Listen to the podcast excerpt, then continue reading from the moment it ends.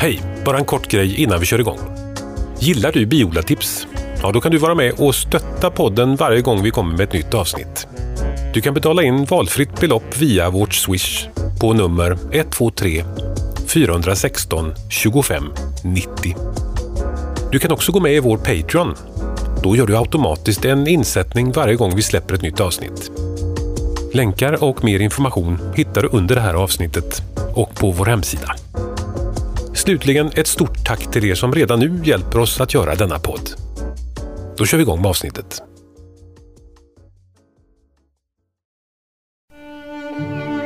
Det här är Biodlartips och jag heter Joakim Jalin. Äntligen har sommaren tagit ett ordentligt grepp. De flesta i naturen verkar trivas. Ett tranpar smyger omkring i kohagen här nedanför och de har fått ungar. Fiskarna i dammen har fullkomligt exploderat i antal. Och näckrosen som vi trodde hade dött under vintern skjuter återigen knoppar. Vi har också hört från biodlare om att det verkar vara ett riktigt svärmår i år. Även bina vill passa på att utöka verkar det som. Vi tittade igenom alla våra bisamhällen för några kvällar sedan och letade efter viseceller för att förebygga all kommande eventuell svärmning. Efter ett ganska svettigt arbete kunde vi nu konstatera att risken för svärmning nu var obefintlig. Så skönt att ligga i framkant och slippa oroa sig för någon akut bijakt. Väldig aktivitet på bina. Fantastiskt vilket surrande ljud här på alla bikuporna tillsammans.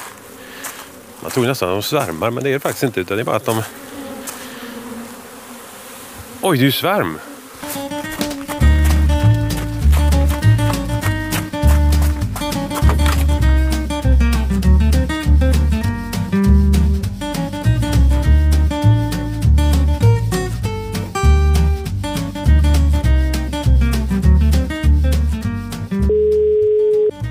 Stefan.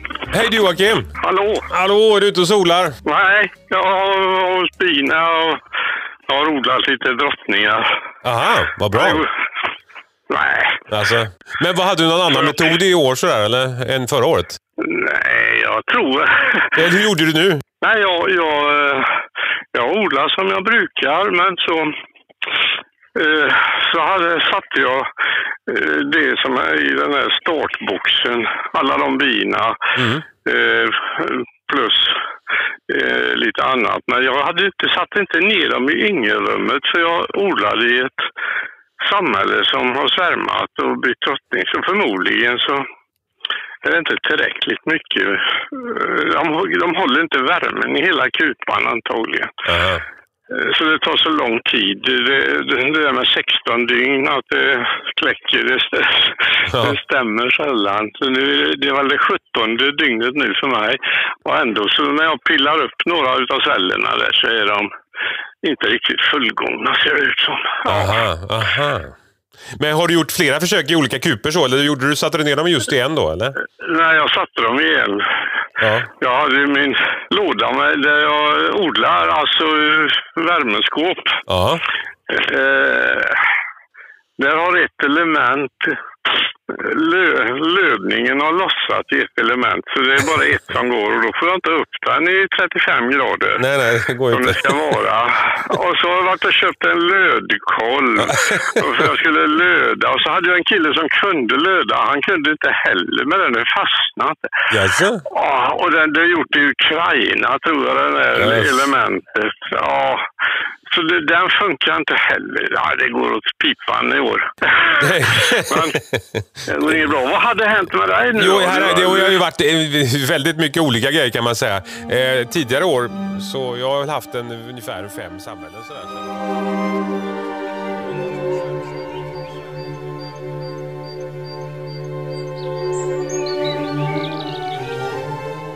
När ett bisamhälle svärmar blir det ju ofta bråttom.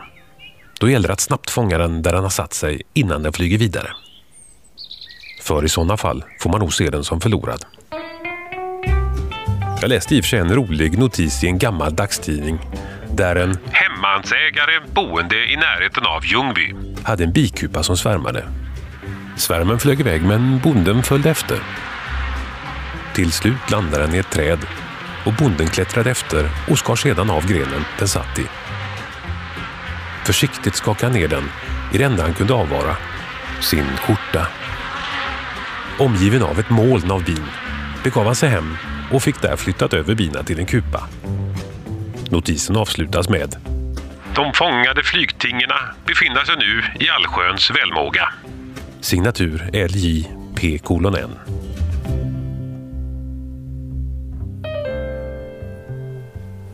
Under en paus i arbetet så tar jag ibland med en kaffe ut och kikar lite i bigården. Det är trevligt att se bina komma in för landning fullastade med pollen och nektar. Vi har gjort en del avläggare och nu börjar det bli ganska trångt med alla bikupor i bigården. Jag slås av hur mycket det faktiskt låter av alla bin tillsammans. Hela vägen till huset faktiskt.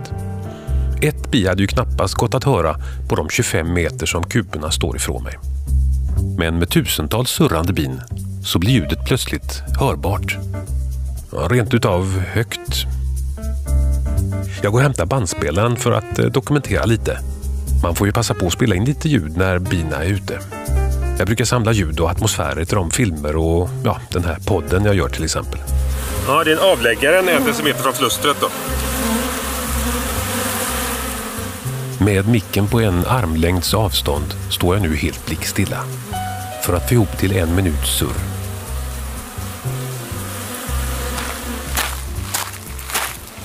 Jag går några steg närmare för att försöka rikta micken mer precis mot ljudkällan. Fantastiskt. Ljudet är verkligen öronbedövande på det här avståndet. Undrar vilken kupa det är som låter mest egentligen. Jag lyssnar i hörlurarna och riktar micken mot kupa efter kupa. Svårt att säga. Mycket bin överallt faktiskt.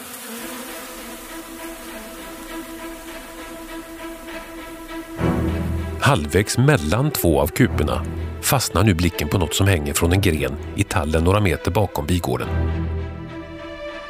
Tre honungsmelonstora klasar med bin tynger ner den stora torra grenen bara några meter över marken. Ja, jag förstår nu var ljudet har kommit ifrån. Jag släpper allt och rusar efter skottkärran som jag fyller med allsköns prylar. Som tur är så har jag en del nya lådor klara för användning. Bra. Jag lastar i en genomskinlig plastlåda med lock också. En sån där som jag brukar förvara ramar i. Den blir bra att skaka ner svärmen i. Jag tar också fram en så kallad svärmbräda som jag har. Det är egentligen bara en 40-50 cm bred plywoodskiva med kanter längs långsidorna. Skivan är något kilformad och skapar en perfekt promenadväg upp från marken till flusteröppningen på kupan. Den kommer väl till pass om en stund.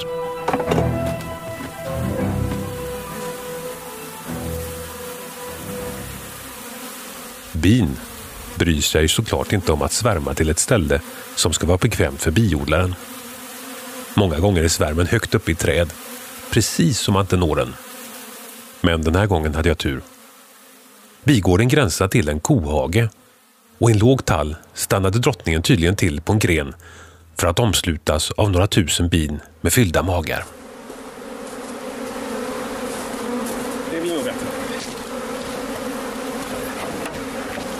Jag höjer försiktigt plastbacken under svärmen. Den når precis runt de där tre klasarna med bin som hänger där. Bina sitter helt stilla på varandra. Och det är mycket bin i luften, men de är inte aggressiva. Jag har vid ett tidigare tillfälle filmat arbetet med en svärm utan skyddsdräkt, så jag vet att bina är lugna och snälla. Men den här gången har faktiskt bidräkten på. En bisvärm kan ju faktiskt locka till sig bin från ett annat samhälle som kanske inte är lika lätta att hantera. Så det är bäst att ha dräkten på. Jag tar ett rejält tag i grenen. Målet är att få alla bin att falla ner vid ett och samma skak. Massor av småskakande, eller ännu värre, borstande gör mest att bina flyger upp och blir omöjliga att flytta. Jag rycker till i grenen. Med ett ljud som påminner om när man häller ris i en bunke så släpper bisvärmen och ramlar ner i blastbaljan. Hoppas nu bara att bidrottningen är med. Någonstans i denna oformliga massa som nu sakta sprider sig i lådan likt en lös deg finns nu förhoppningsvis en drottning. Svärmbrädan står nu lutad mot en tom kupa jag satt ihop lite snabbt och ställt några ramar i. Det har varit lite pollen och allt möjligt här. Direkt. Vi häller ut innehållet i lådan över svärmbrädan. Det är mycket bin och de sprider sig snabbt och täcker varenda del av skivan och kanterna på den. Bara så att den inte... Tanken med en svärmbräda är att bina själva ska promenera in i kupan. Märkligt nog går bin gärna uppåt när de placerats på ett lutande underlag. Finns en drottning i närheten som har passerat nyligen eller som ännu hellre finns i kupan så verkar de ännu mer angelägna att gå i rätt riktning. Uppåt och in i den nya kupan. Här sägs det att man egentligen ska samla ihop och förvara svärmen svalt fram till kvällen innan man gör detta. De brukar ju rekommendera att man ställer undan svärmen svalt. Att man inte slår ut den direkt.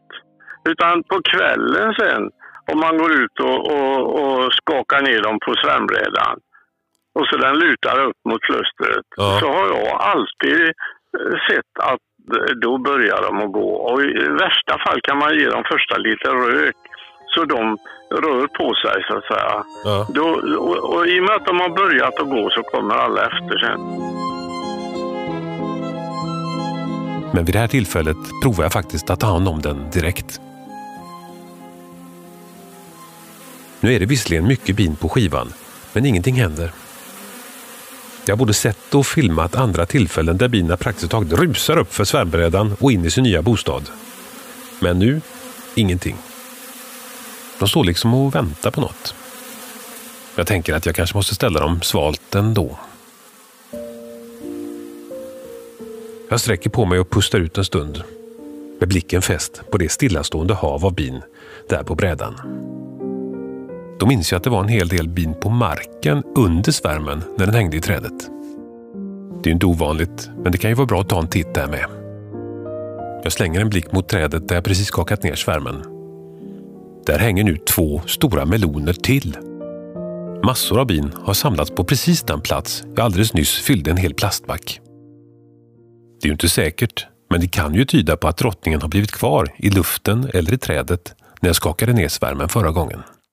Ja, det är inte bergis att hon är kvar där sådär. Nej. För de, de, de går ju dit, för de, de, de doftar ju där och de har, vet var de har köttet och de har orienterat sig där. Ja. Så det är, inte, det är inte hundra tror jag att drottningen har flugit tillbaka.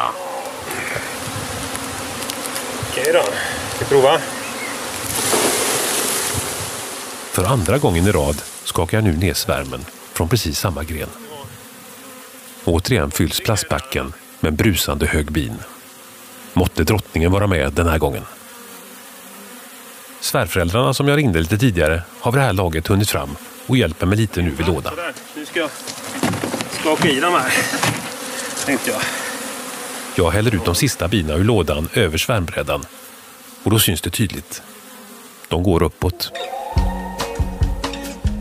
Upp för svärmbrädan mot flusteröppningen. Vilket fantastiskt skådespel. Naturens under gör en verkligen inte besviken.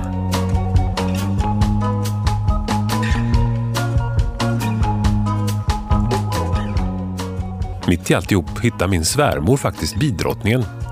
Som en nål i en höstack kryper en omärkt drottning runt. Jag fångar in den och placerar den i kupan så länge. Tills förhoppningsvis svärmlusten minskat något. Får hoppas att det är lugnt för den här gången.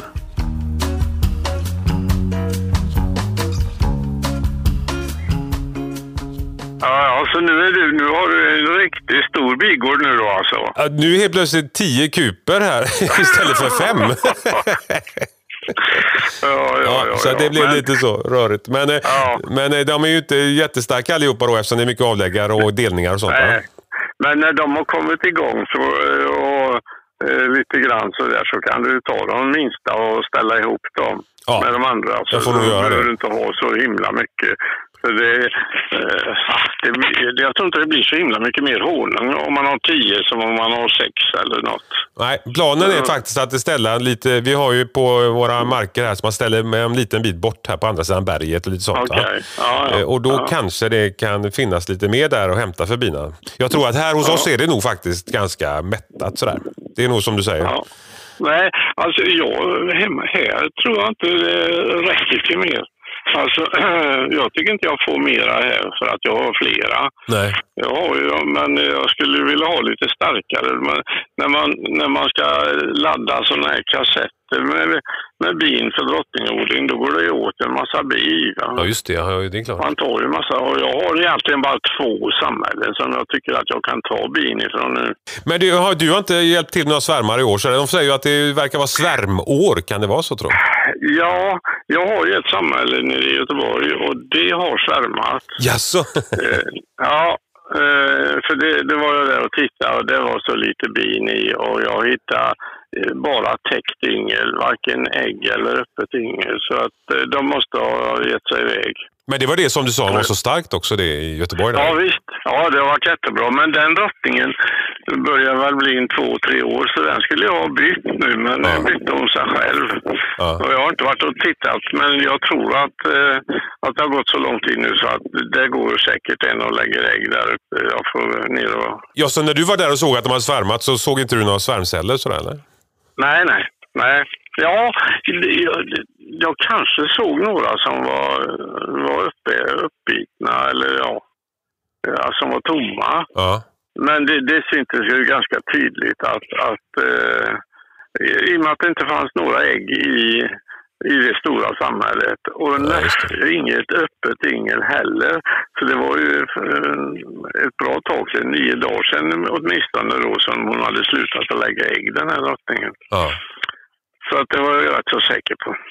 Men när, när ger de sig iväg? Liksom innan den drottningen har kläckts eller efter? Eller? Ja, normalt sett så tror jag de gör det. Alltså eh, någon dag innan eller, eller precis när de kläcker. Ja. Men det beror nog också lite på väder och vind. Ja, det är klart. Eh, Ösre, ösregnar så stannar de ju kvar. Va?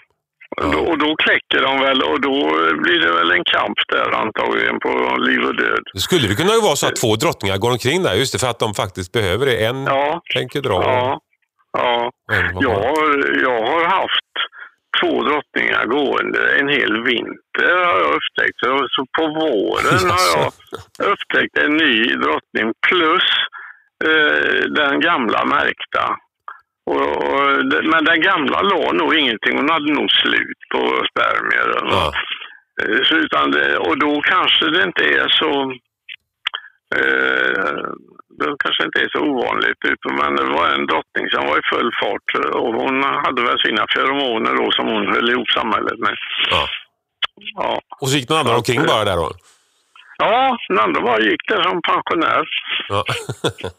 Men jag skulle märka en drottning här då, så i årets färg är ju vit då, och det var den enda färgen jag inte hade faktiskt. Och då passerade jag Maxi före jag lyckades beställa något på nätet, så jag tänkte jag köper något vitt nagellack, borde ju åtminstone finnas, det finns säkert. Så jag köpte det billigaste, lilla, jag ville ju ha en liten mängd egentligen, bara nagellacket de hade på Maxika där va. Vitt var ju inte speciellt, det var ju inte årets färg på, på nagellack i alla fall, men det fanns en. en fanns det. Och då satte vi på det då, vet du, och skulle lägga på det där. Jag tänkte, nu tar vi försiktigt en droppe och det är ganska kladdigt och mycket där. Och det var så himla segt det där nagellacket. Det kanske berodde på att det var så billigt så att ah, det, det, det, de kladdade ner hela burken där. sprang runt. Det var inte så mycket på drottningen där, men det var i alla fall tydligt.